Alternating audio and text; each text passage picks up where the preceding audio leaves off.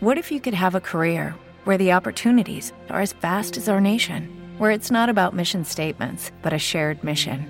At U.S. Customs and Border Protection, we go beyond to protect more than borders from ship to shore, air to ground, cities to local communities. CBP agents and officers are keeping people safe. Join U.S. Customs and Border Protection and go beyond for something far greater than yourself. Learn more at cbp.gov/careers. Vet aquí que una vegada...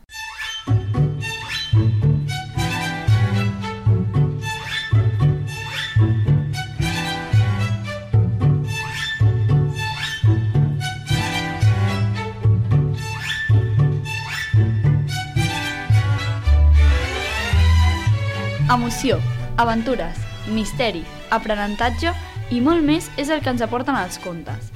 Ens ajuden a millorar el nostre estat d'ànim, a reconèixer en un altre format allò que som, o bé que ens agradaria ser. A vegades ens serveixen per escampar la boira i desvincular-nos, per uns moments, d'allò real que no ens agrada o que no s'està fent bé. Els contes ens permeten ser nosaltres mateixos i a la vegada ser una altra persona. Ens podem imaginar que som una princesa, un drac, una bruixa o bruixot o fins i tot una flor. Bon dia, Helena. Bon dia, Emma. I com nosaltres, a l'hora del conte, ens agrada passar una bona estona interpretant personatges ficticis. Intentem, setmana rere setmana, i a través de les emissores de la xarxa de comunicació local de Catalunya i Andorra, portar-vos contes i llegendes perquè passeu una estona de fantasia. I el primer conte que us portem avui és La meva àvia. De fet, és el primer capítol del llibre Les bruixes de Roald Dahl. Les bruixes de debò es vesteixen amb roba corrent i s'assemblen molt a les dones corrents. És per això que són difícils d'enxampar. Aquesta és la sorprenent història d'una víctima de les males arts de la reina de les bruixes, un nen de 7 anys que s'enfronta amb totes les bruixes d'Anglaterra amb la sola ajuda de l'àvia més adorable que us pugueu imaginar. L'autor de les bruixes, en Roald Dahl, va ser un escriptor de contes i guionista galès d'ascendència noruega, famós com a escriptor per a nens i adults. Entre els seus llibres més populars hi ha Charlie i la fàbrica de xocolata, James i el préssec gegant, Matilda, les bruixes i històries imprevistes. Helena, què et sembla si ens posem a llegir el conte de la meva àvia? Anem-hi? Som-hi!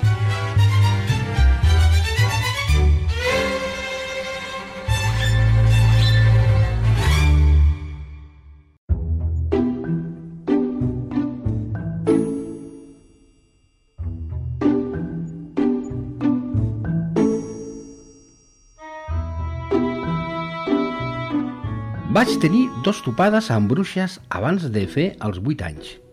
El primer cop me'n vaig escapar il·lès, però la segona vegada no vaig ser tan afortunat. Em van passar unes coses que de segur us faran xisclar quan us l'expliqui. No ho puc evitar, sempre dic la veritat. El fet que encara sigui aquí i us pugui parlar, per estrany que sembli el meu aspecte, és degut íntegrament a la meva àvia meravellosa. La meva àvia era noruega, els noruecs ho saben tot sobre les bruixes, perquè és de Noruega, amb aquells boscos de tenebra i aquelles muntanyes glacials d'on van sortir les primeres bruixes. El meu pare i la meva mare també eren noruecs, però com que el meu pare tenia un negoci a Anglaterra, jo vaig néixer i vaig viure allà i havia començat a anar a una escola anglesa. Dos cops a l'any, per Nadal i a l'estiu, tornàvem a Noruega per veure la meva àvia. Aquesta vella senyora era gairebé l'únic parent viu que teníem a banda i banda de la família. Era la mare de la meva mare i jo l'adorava amb deliri. Quan ella i jo estaven junts, tan aviat parlaven en noruec com en anglès. Tant era perquè tots dos dominàvem la una i l'altra llengua i he de confessar que em sentia més íntimament unit a ella que no a la meva mare.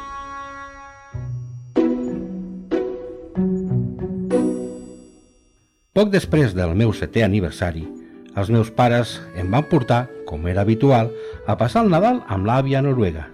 I allí va ser on, anant de camí, el pare, la mare i jo pel nord d'Oslo, d'una patinada, ens van foraviar amb el cotxe i van caure a rodolons per un fondal rocós. Els meus pares s'hi van matar.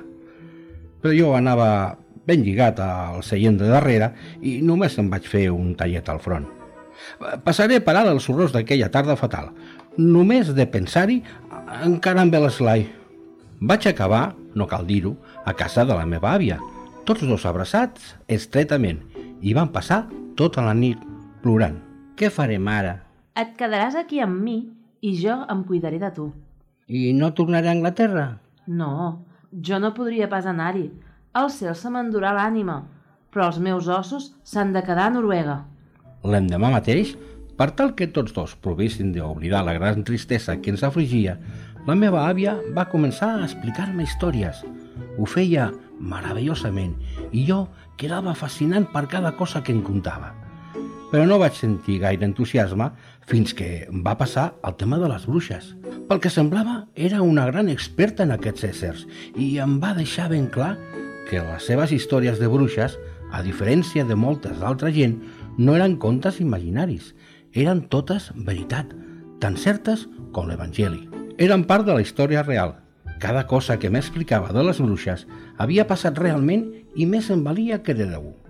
I el que era pitjor, el que era molt, moltíssim pitjor, era que les bruixes encara voltaven per aquí. Estaven per tot arreu i això més em valia creure també. De debò és veritat el que et dius, àvia? És veritat de la bona? Rei meu, no duraràs gaire en aquest món si no saps reconèixer una bruixa quan en vegis una. Però si m'has dit que les bruixes tenen l'aspecte de dones normals i corrents, àvia, eh, com les puc reconèixer, doncs? Cal que m'escoltis bé. Cal que recordis cada cosa que et digui.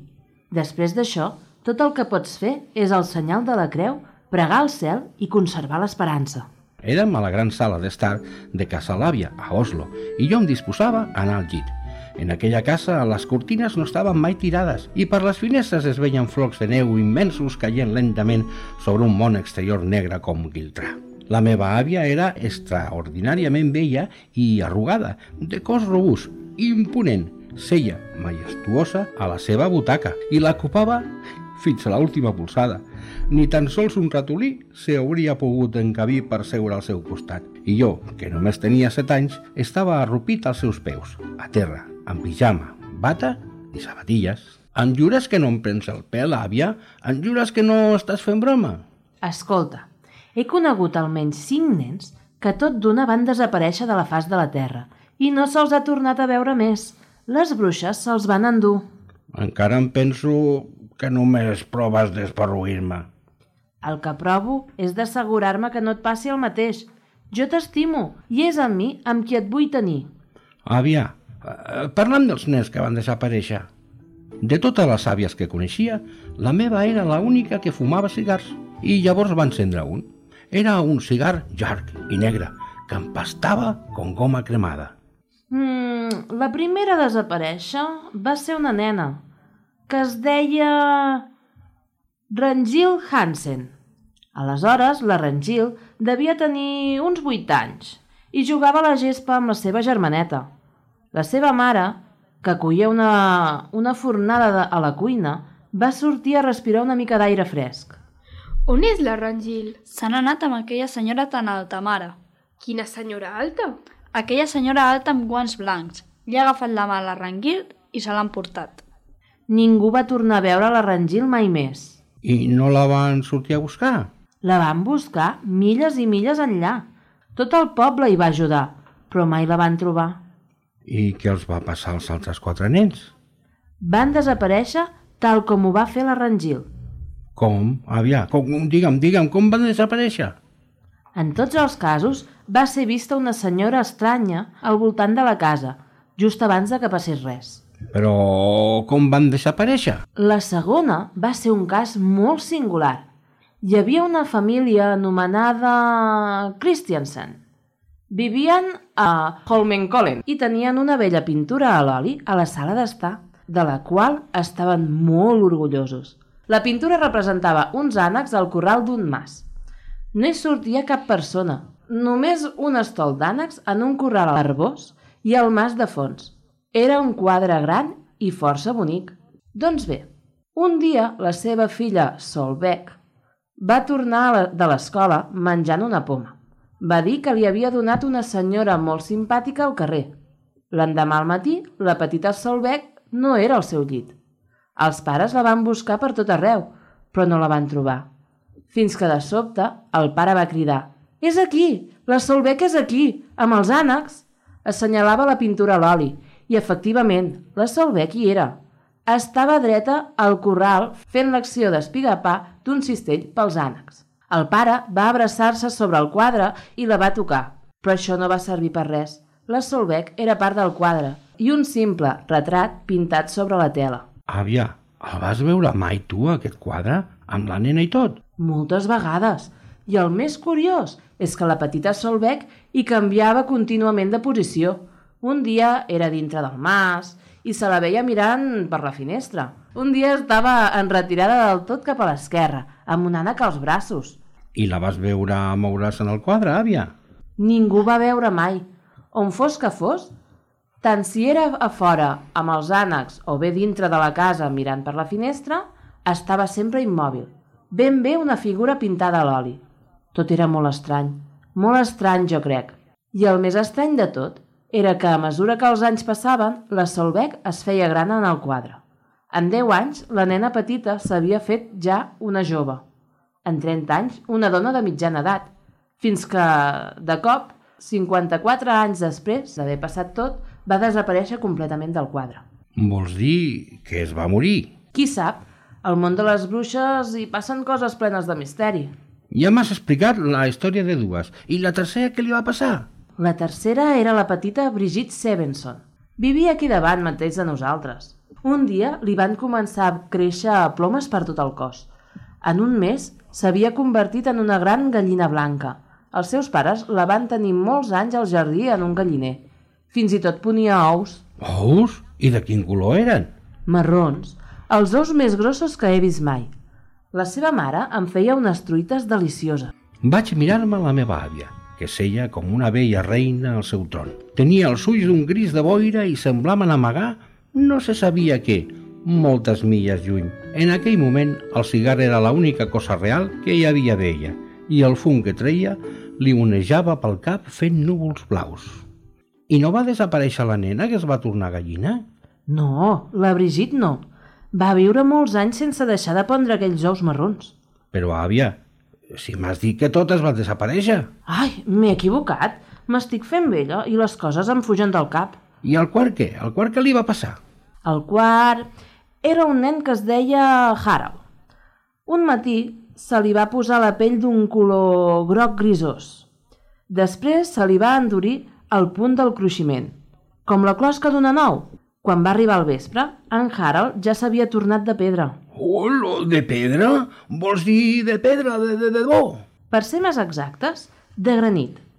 Si vols, podem anar a veure'l. Encara el tenen a casa seva. Està dret al vestíbul com una petita estàtua de pedra. I les visites hi deixen els paraigües recolzats. Si bé jo era molt jovenet, no estava disposat a creure tot el que la meva àvia m'explicava. Tanmateix, parlava amb tanta convicció, amb una serietat tan absoluta, sense fer mai d'ullet ni cap somriure, que ja em començava a estranyar. Continua, continua, àvia, m'has dit que n'hi havia cinc. Què, què li va passar a l'últim? T'agradaria fer una pipada al meu cigar? Àvia, només tinc set anys. M'és igual a mi l'edat que tinguis. Si fumes cigars, no et constiparàs mai. I el cinquè, àvia? Ui, el cinquè... El cinquè va ser un cas força interessant. Un nen de 9 anys que es deia Leif. Estava de vacances a un fiord amb la família i tots junts havien sortit a berenar i a banyar-se en un illot de roques. El Lief va capbussar-se i el seu pare, que el vigilava, va observar que s'estava sota l'aigua una estona extraordinàriament llarga. Quan finalment va pujar a la superfície, ja no era en Lief. I què era, doncs, àvia? Un marsuí. Au, va, com vols que fos un marsuí? Era un marsuí jove, preciós i més simpàtic que cap altre. Àvia, Digues, maco. de veritat de la bona que es va tornar un marsuí? Absolutament. Jo coneixia força la seva mare i va ser ella qui m'ho va dir tot. Em va explicar com en Lief, el marsuí, va passar amb ells aquella tarda, tota l'estona passejant els germans i les germanes a Collibé, amunt i avall per l'aigua.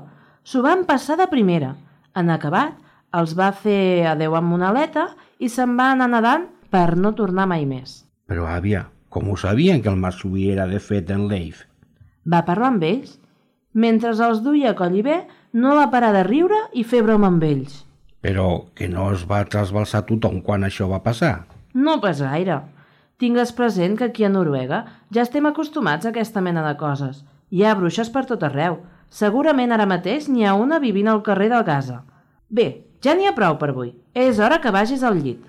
Una bruixa no m'entrarà pas per la finestra de nit, oi que no, àvia? No, una bruixa no faria mai una ximpleria com aquesta. Una bruixa no faria mai cap ximpleria com enfilar-se pels tubs de desguàs o irrompre a casa de ningú. Al teu llit estaràs fora de perill. Vinga, va, que et vinc a cotxar.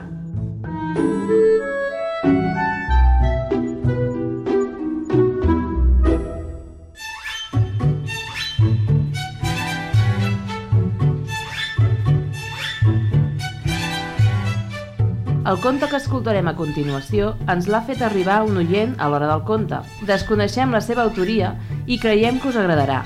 Es diu L'extraterrestre i ens parla de les aventures d'en Buff, un ésser de color verd, baixet i amb antenes brillants al cap. En Buff viu a casa de la Mar i la seva família, perquè un dia que la família va sortir d'excursió per la muntanya, se'l va trobar sol al vell mig d'un escampat, i com que el van veure perdut, es van apropar per ajudar-lo. De seguida van veure que era de bona pasta i el van convidar a casa seva fins que el vingués a trobar la seva família. En agraïment, en Buff va decidir encarregar-se sempre del menjar, ja que era molt bon cuiner. Què farà en Buff? Creieu que es quedarà amb la seva nova família per sempre? Ens acompanyeu a veure com acaba la història? Què et sembla, Emma? Doncs té pinta de ser una història bastant interessant, no? Sí, oi? Som-hi!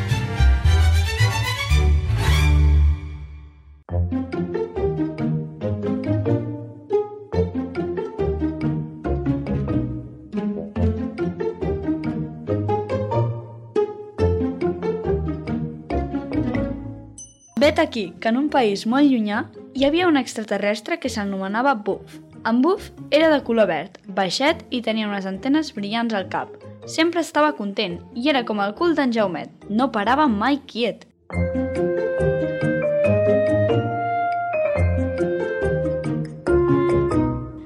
En Buff vivia a casa de la Mar i la seva família. Un dia que la família va sortir d'excursió per la muntanya, se'l va trobar sol al vell mig d'un escampat. Com que el van veure perdut, es van apropar per ajudar-lo. De seguida van veure que era de bona pasta i el van convidar a casa seva fins que el vingués a trobar la seva família. En agraïment, en Buff va decidir encarregar-se sempre del menjar, ja que era molt bon cuiner. Aquell matí va començar com qualsevol altre. Els pares havien anat a treballar i ell es disposava a sortir a comprar. La Mar es va llevar una mica enfadada per tot el remombori que estava fent en Buff. Ostres, Buf, que estic de vacances i volia dormir una mica més. La Mar es va mirar amb Buff, que semblava preparat per anar de safari. Oh, on vas? Que m'has deixat alguna cosa per esmorzar? Bon dia, Mar. Sí, a la cuina hi ha un plat per tu. Jo vaig al mercat, que aquesta nit vull preparar un sopar especial. A la Mar li va semblar una mica estranya la vestimenta d'en Buff per anar al mercat, però bé, més estrany era conviure amb un extraterrestre i no em va donar més importància. Així doncs, cadascú va continuar amb el seu dia. La Mar va aprofitar per fer alguns deures de l'escola, mentre en Buff es preparava per triar i remenar a les parades del mercat. Un cop va tornar a casa i es va posar a preparar el sopar, la Mar es va apropar a la cuina seguint aquella meravellosa olor. Caram, Buf, què estàs preparant que fa tan bona olor? Eh, és una sorpresa, però si vols et puc deixar tastar la sopa. Ostres, està boníssima, però té un color verd molt intens. A què em recorda aquest color? La Mar, pensativa, va aixecar la vista cap en Buff i de seguida es va donar on havia vist aquell color. Té el mateix color que les teves antenes. Sí, i, i he afegit unes herbes especials que quan les tritures deixen anar un líquid molt bo que es pot fer servir per a moltes coses. Jo ho faig servir per pintar-me les antenes, però també es pot fer servir per cuinar i donar un gust molt especial. Aquella nit, tota la família es va delectar amb el sopar especial que havia preparat en Buff. El color verd predominava a tots els plats. El primer era una sopa deliciosa, el segon un peix amb salsa verda espectacular i de postres un pastisset immillorable. Però la família no acabava d'entendre per què havia preparat aquell sopar tan especial, sobretot perquè era un dia com qualsevol altre. Però, Buf, com és que precisament avui has fet un menjar tan deliciós? Doncs és perquè Us volia agrair que m'hàgiu acollit a casa vostra fins avui. Què vol dir fins avui? És que ahir vaig poder contactar amb els meus pares i en una estona em vindran a buscar. La Mar no sabia què dir. Estava molt contenta perquè en Buf hagués trobat la seva família, però ja l'enyorava i encara no havia marxat. Moltes gràcies per haver cuidat de mi. M'ho he passat molt bé amb vosaltres i us trobaré molt a faltar. En Buf havia arribat a estimar molt aquella família terrícola que l'havia acollit. Van trucar al timbre de la casa i en obrir la porta van veure dos extraterrestres molt semblants a en Buf. Tots dos eren de color verd, baixets, tot i que no tant com en Buf, i amb antenes. Un les tenia de color groc i l'altre de color blau. De fons es veia una nau espacial que havia aterrat al carrer.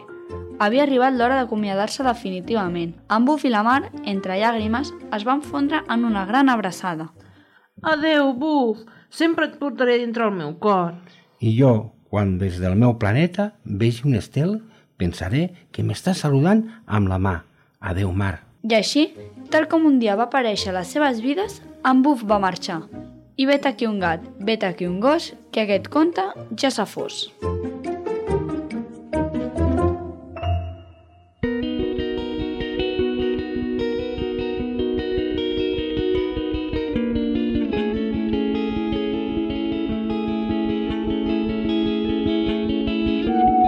ja posats en el tema d'extraterrestres, avui us recomanem un conte també d'alienígenes, El meu amic extraterrestre, de Rocío Bonilla. Un conte deliciós, tendre i ple d'humor.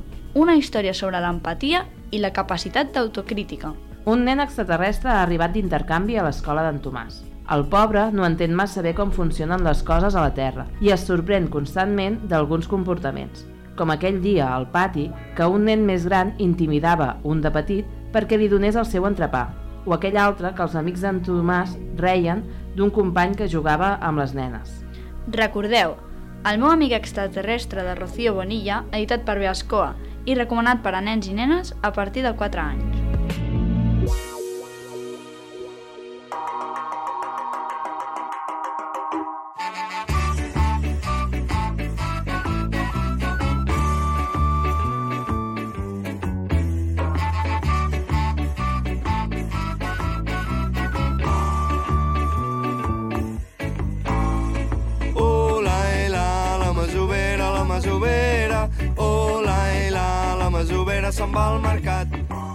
Arribem al final de l'hora del conte. I com sempre ho fem amb música, avui de la mà dels The Penguins i el seu tema La girafa. The Penguins són un grup que fa 5 anys van començar amb un projecte de música reggae i ska per nens. Quasi totes les seves cançons són adaptacions de les clàssiques cançons de la infància, però estan super ben adaptades. També són molt recomanables els seus vídeos que pràcticament els podreu veure tots a YouTube.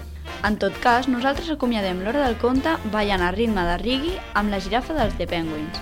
I recordeu, des de l'hora del conte, desitgem que el vostre dia a dia sigui un conte bonic. La girafa allargava el cap perquè volia arribar al terrat i el veí estava estenent els llençols del dia abans. Quan el pobre es va donar